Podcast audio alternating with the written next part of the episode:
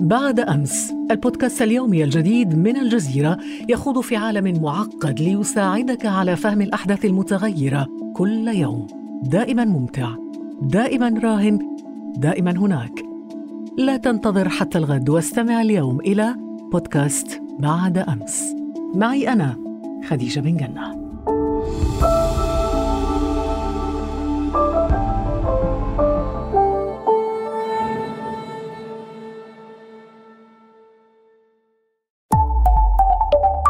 الجزيرة بودكاست.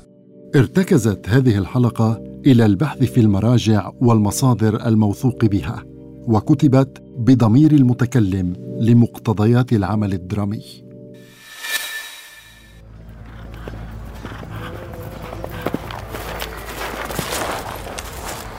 يا غازان أنت تزعم أنك مسلم ومعك قاض وإمام وشيخ ومؤذن. ورغم ذلك فقد غزوتنا. وأبوك وجدك هولاك كانا كافرين وما عملا مثل الذي عملت. عاهدا فوفيا وأنت عاهدت فغدرت وقلت فما وفيت. ادع لي يا شيخ تقي الدين. اللهم إن كنت تعلم أنه إنما قاتل لتكون كلمة الله هي العليا وجهادا في سبيلك فأيده وانصره وإن كان للدنيا والتكاثر فافعل به واصنع. الآن هلم إلى الطعام يا شيخ تقي الدين هلموا جميعا. كيف آكل من طعامكم؟ وكله مما نهبتم من أغنام الناس وقد طبختموه من أشجار الناس. هذا أنا أحمد بن عبد الحليم بن عبد السلام بن تيمية من يلقبني الناس بشيخ الإسلام. وهذا موقفي أمام غازان ملك التتار عام 699 من هجرة المصطفى موقف واحد ضمن مئات المواقف في حياتي العامرة بالمشاهد والملاحم. يومها لم أغادر مجلس غازان إلا بعدما أفرج عن جميع الأسرى من المسلمين بل وأسرى أهل الذمة أيضا. فقد قال لي غازان هؤلاء اسرى المسلمين فخذهم. فأبيت وقلت له بل جميع من معك من اليهود والنصارى الذين هم أهل ذمتنا فإنا نفتكهم جميعا. لا ندع اسيرا لا من أهل الملة ولا من أهل الذمة. حين خرجت من عند غازان لامتني جماعة قائلة كدت تهلكنا معك. كنا نرفع ثيابنا خوفا من أن يقتلك غازان فيطرطش الدم علينا من فعالك وجرأتك. لن نصحبك بعد الآن في موقف كهذا. فقلت لهم وأنا لا أصحبكم وهذا جزء من طبعي فأنا لا أخاف في الله لومة لائم. وقد كانت تضرب بشجاعة الأمثال. فأنا أحب الإقدام والبذل والعمل وأكره الدعة والبطالة والكسل.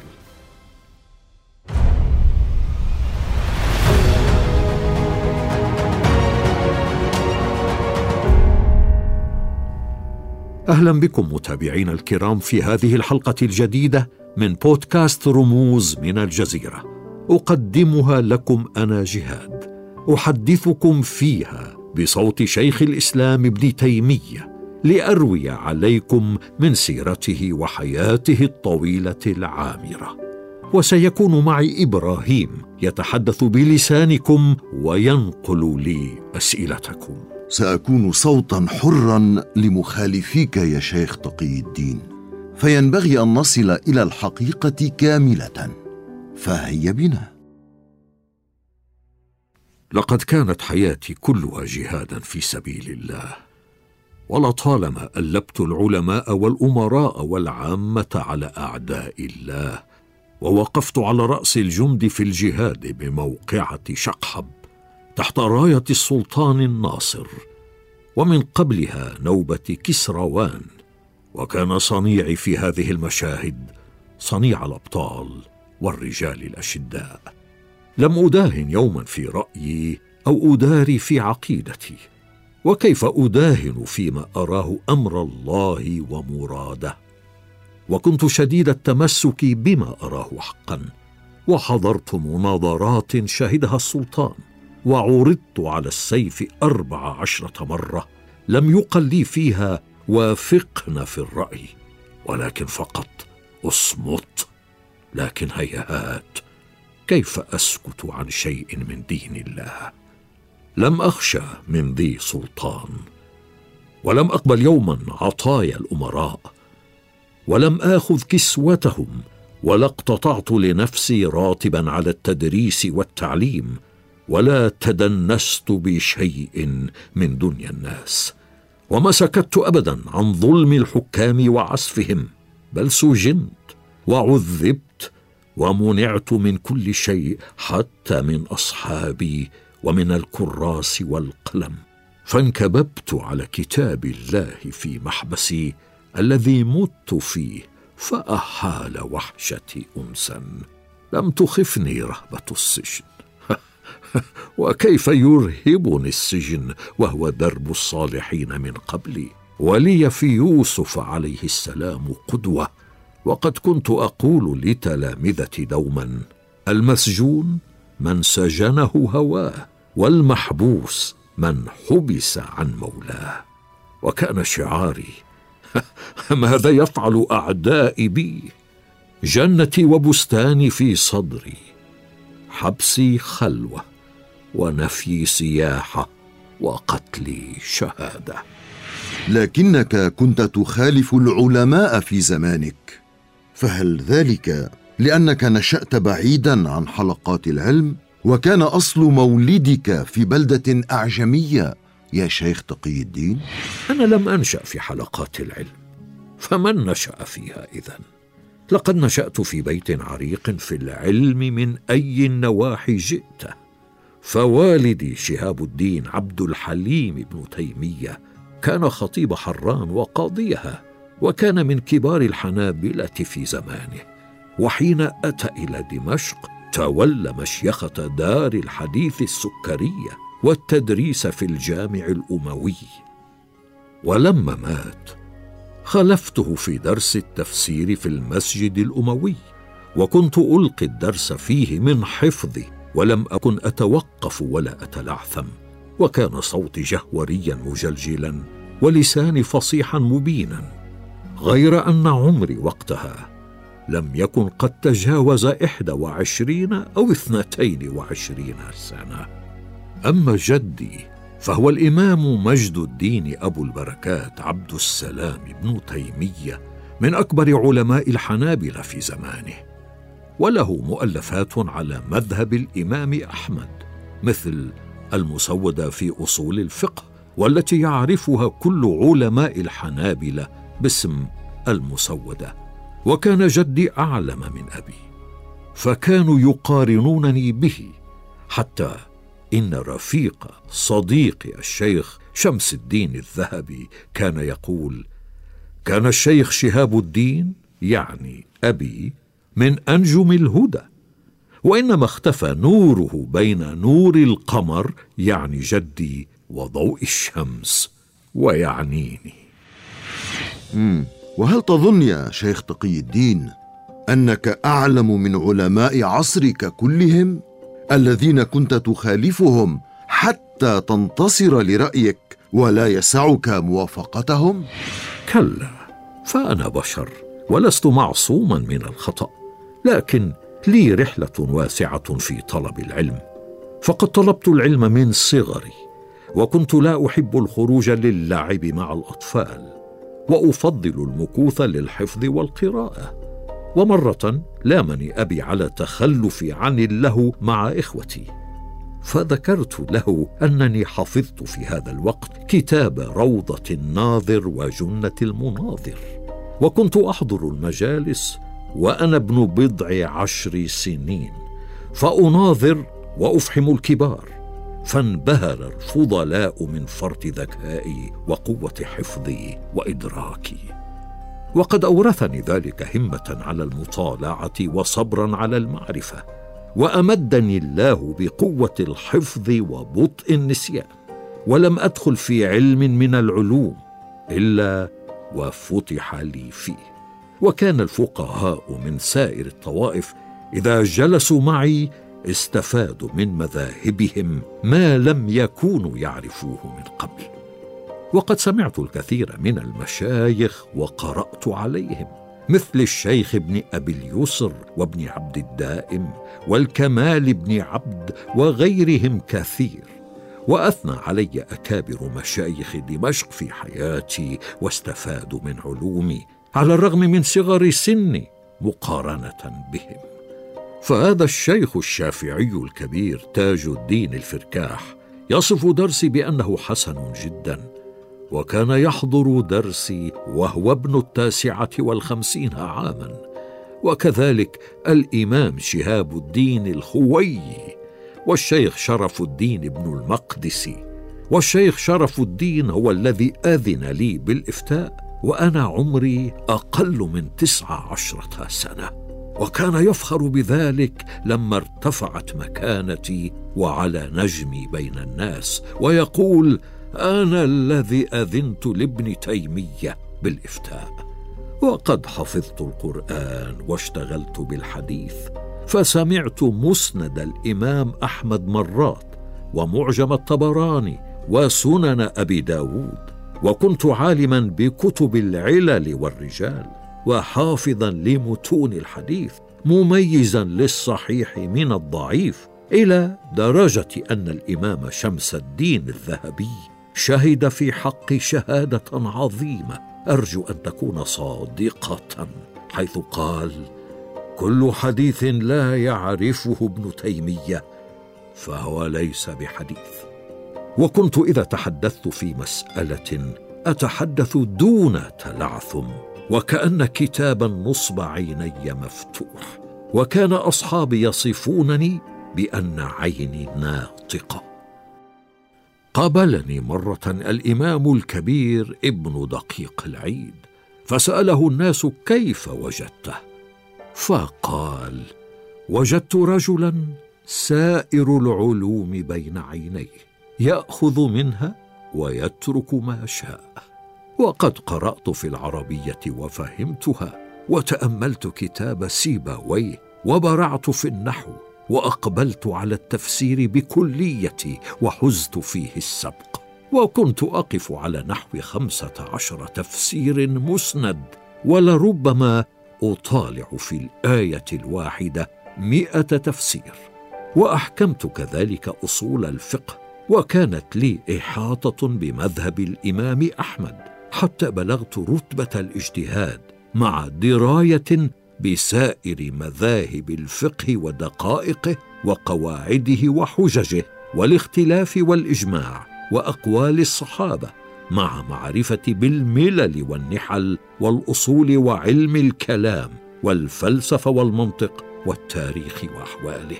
وقد كنت مكثرا في التأليف فألفت في الفقه والحديث والأصول والتاريخ والتصوف والمنطق والسياسة الشرعية ورددت على الشيعة والنصارى والمعتزلة والفلاسفة والأشاعرة وزادت مؤلفاتي عن خمسمائة مؤلف. وكان لي منهج خاص في التأليف فكنت أدقق في التصنيف وأذكر الخلاف وأتوسع في ذكر المسائل.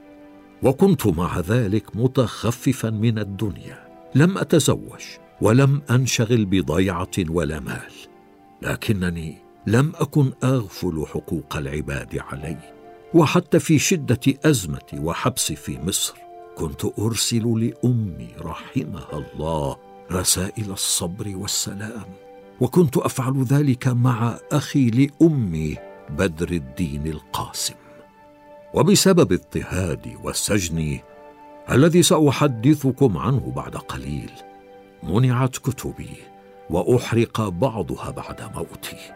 وقد اشتد هذا الأمر على أصحابي حتى كتب إليهم تلميذ ابن رشيق. والله ليقيضن الله لنشر هذا العلم وفهمه رجالا هم الآن في أصلاب آبائهم. وأبر الله قسم تلميذي وانتشرت في الناس كتبي وحققت رسائلي وأصبح علمي وفتاواي من الأكثر شيوعا في عصركم. ومع هذا كله فأنا بشر غير معصوم.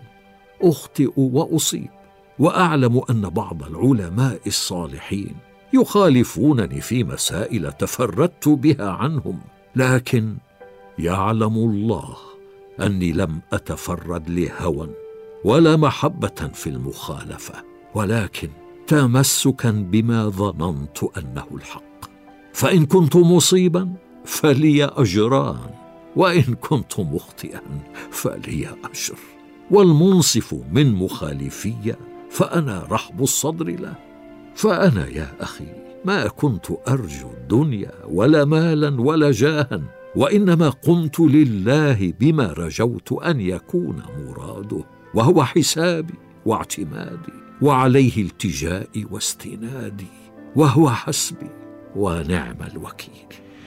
لماذا إذا يا شيخ كانت حياتك مليئة بالمشاكل والعقبات دونا عن أقرانك من العلماء؟ ولماذا أثرت أنت بالذات كل هذا الجدل والصخب؟ هناك شيء واحد سبب لي الكثير من المتاعب. لست نادما عليه لأنه جزء من صدقي وشخصيتي. لكنني أذيت بسببه كثيرا وهو جرأتي في الحق وعدم قدرتي عن السكوت على المنكر. فقد كنت نهاء عن المنكر ولا تأخذني في الله لومة لائم. ولو لاطفت خصومي ورفقت بهم وجاملتهم لأحبني الجميع. فإن كبارهم كانوا يجلونني مهما خالفوني ويثنون على علمي. لكن هيهات أن ألاطف احدا على حساب ما أعتقده دينا وحقا. وقد ابتليت بمحن كثيرة لأجل هذه الصفة في. وسجنت غير مرة وأوذيت لكن الله استعملني بهذه الصفة في خدمة المسلمين.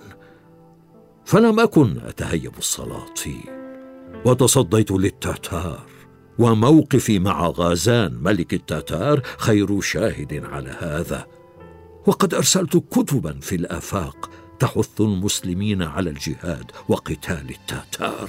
وأرسلت إلى أمراء مصر ولم أزل آتمادى بهم حتى شرح الله صدرهم وخرجوا معنا. نحن جند الشام لقتال التتار في معركة شقحب عام سبعمائة واثنين من هجرة المصطفى صلى الله عليه وسلم.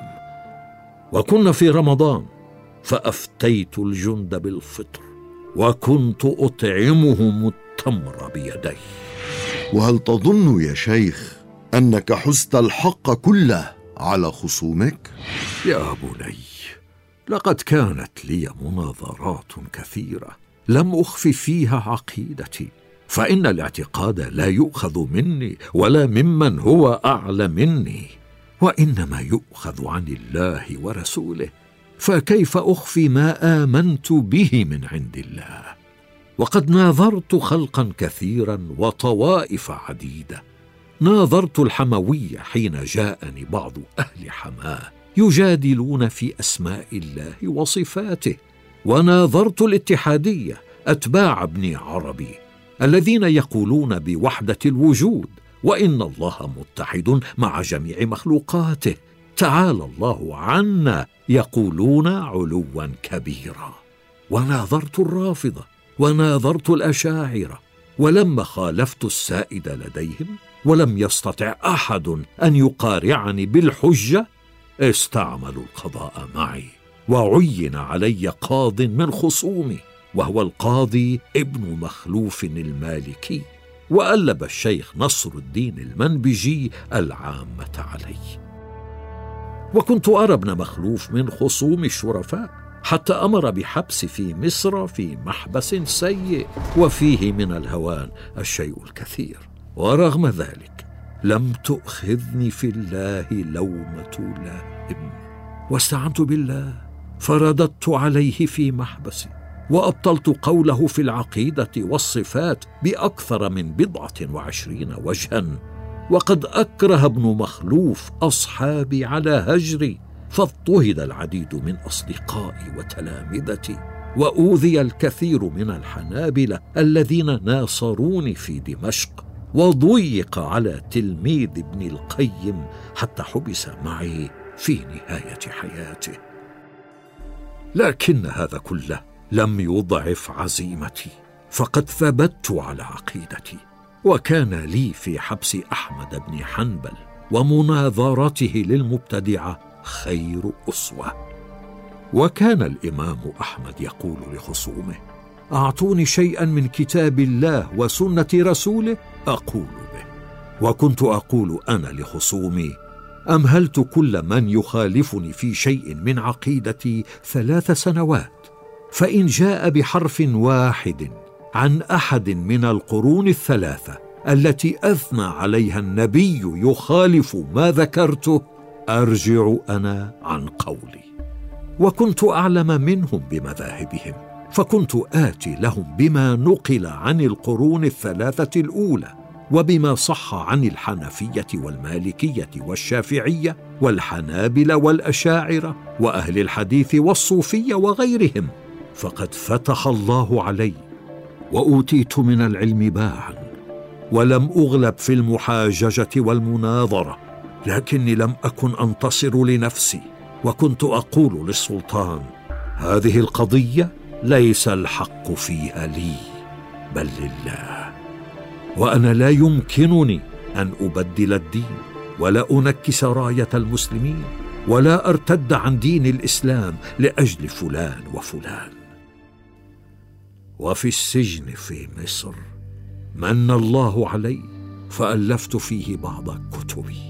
ومن الله علي بالعبادة والتنسك وكنت كريما مع جلسائي حتى أحبني العامة وكان يأتي أحدهم الفرج بالخروج فيأبى حتى يجالسني. وقد سجنت في دمشق وضيق علي لفتاوى خالفت فيها علماء عصري مثل فتوى الطلاق. حين أفتيت أن الطلاق البدعي لا يقع وأن ثلاث طلقات في مجلس واحد لا تحسب إلا طلقة واحدة وأن الحلف بالطلاق يقع يمينا إذا لم ينوي صاحبه الطلاق. وكذلك فتواي بحرمة شد الرحال إلى قبور الأنبياء. وعلم الله أنني ما خالفتهم حبا في المخالفة ولا رغبة في التميز. لكن ما أعتقده دينا ولم أستطع أن أهادن في اعتقادي ارضاء لأحد. لكنك يا شيخ كنت من بذر بذور الشقاق والتكفير في الملة الإسلامية. ألا ترى أن جماعات العنف والقتل تكفر طوائف المسلمين وجموعهم وتعمل فيهم القتل وتسفك دماءهم وهي تنسب كل ذلك إلى فتاواك. أنا أعلم أن اناسا يرمونني ببذر بذور الشقاق والتكفير الذي لم تأتي به الشريعة لأجل أناس ينسبون أنفسهم إلي. لكن وما حيلتي وأنا لست حاضرا في هذا الزمان؟ وهل يمكن أن نقول إن علي بن أبي طالب كان شيعيا لأن الشيعة ينسبون أنفسهم اليه أو إنه رضي الله عنه كان خارجيا لأن الخوارج خرجوا من جيشه. ما لكم كيف تحكمون؟ هل يمكن لأحد قرأ سيرتي أن يقول مثل هذا؟ إنني أقر بأن التكفير حكم شرعي من أحكام الله ليس لأحد إلغاؤه. لكن الشريعة أحاطت هذا الحكم بأسوار من الضوابط لا يعرفها إلا الراسخون في العلم فالأمر في الإيمان عظيم وعليه تسفك الدماء ويفرق بين الأزواج وتقطع الرقاب وأنا لست ممن يتساهل في هذه الأمور. بل كنت أقول لأصحابي إن من عيوب أهل البدع أنهم يكفر بعضهم بعضا وكنت أكرر حتى نهاية حياتي. بأني لا أكفر أحدا من أهل القبلة ولي فتاوى كثيرة أبين فيها أهمية التفريق بين ما نقل عن السلف والأئمة من إطلاق القول بتكفير من يقول كذا وكذا وهو حق وبين تعيين التكفير على شخوص بعينهم. فالشخص ربما لا يدري لم أكن بدعا في هذا الباب. ولكن أكثر الناس لا يعلمون. وحتى مع الروافض فرغم أني ناظرتهم طويلا وبينت ابتداعهم وفساد عقيدتهم فإني لم أفت يوما بتكفير أعيانهم وكان أكثر ما نقمت منهم هو سعيهم في مجيء التتار إلى دار الخلافة في بغداد حتى قتل الكفار من المسلمين ما لم يحصيه إلا الله تعالى من بني هاشم وغيرهم. وقد قتلوا في بغداد وحدها خلقا كثيرا وقتلوا الخليفة العباسي وسبوا النساء والصبيان. لم أكن يوما يا بني داعي شر أو خصومة. وقد كنت سمح الخلق كثير العفو عمن ظلمني. حتى من العلماء الذين آذوني وأفتوا بسجني وقتلي. فهذا ابن مخلوف المالكي الذي كان سببا في حبسي في مصر وسعى في اضطهادي بكل وسيلة عفوت عنه حين خرجت ولما عاتبني بعضهم في ذلك قلت لهم إنني والله من أحرص الناس على إطفاء كل شر وإقامة كل خير. وابن مخلوف لو عمل مهما عمل والله ما أقدر على خير إلا عملته معه ولا أعين عليه عدوه قط ولا حول ولا قوة إلا بالله. هذه نيتي وهذا عزمي. مع علمي بجميع الأمور التي فعلها معي. ولما طلب مني الوالي أن يقتل هؤلاء العلماء كنت أقول له لو قتلتهم لا تجد مثلهم من العلماء. آه يا بني وفي أواخر حياتي حبست في سجن القلعة في دمشق. ومنعت من الكتب ولم يسمح لي بالورق والقلم. وكنت منفردا وحيدا حتى مللت هذه الحياة الدنيا وتاقت نفسي للقاء ربي. وكنت على موعد إلى الدار الاخره وفاضت روحي في الثلث الأخير من ليلة الاثنين والعشرين من ذي القعدة عام ثمانية وعشرين وسبعمائة بعدما شرعت في الختمة الواحدة والثمانين في محبسي. مشهد رحيلي كان مهيبا وكان يومه مشهودا فقد أغلقت أسواق المدينة. وضاق الطريق بجنازتي وانتابها الناس من كل فج عميق أكثر من مئتين من الرجال والنساء خرجوا لتشييعي وحصل في الجنازة ضجيج وبكاء عظيم وتضرع كثير. وصلي علي بعد صلاة الظهر. ثم حملت إلى مقبرة الصوفية ودفنت قريبا من وقت العصر. كانت جنازة بحق مثل التي قال فيها الإمام أحمد بن حنبل قولوا لأهل البدع بيننا وبينكم الجنائز. هكذا انتهت قصة الشيخ ابن تيمية الشيخ الذي دافع عن وجود المسلمين في وجه التتار كما دافع عن العقيدة والدين بحزم ووضوح في الرؤية.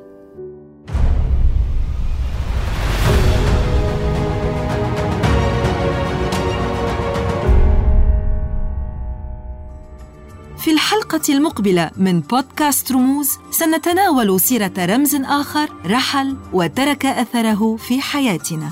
لا تفوتوا حلقتنا التالية يوم الأحد المقبل. ويمكنكم الاستماع إلينا عبر Google Podcasts أو Apple Podcasts أو SoundCloud. فقط ابحثوا عن الجزيرة بودكاست.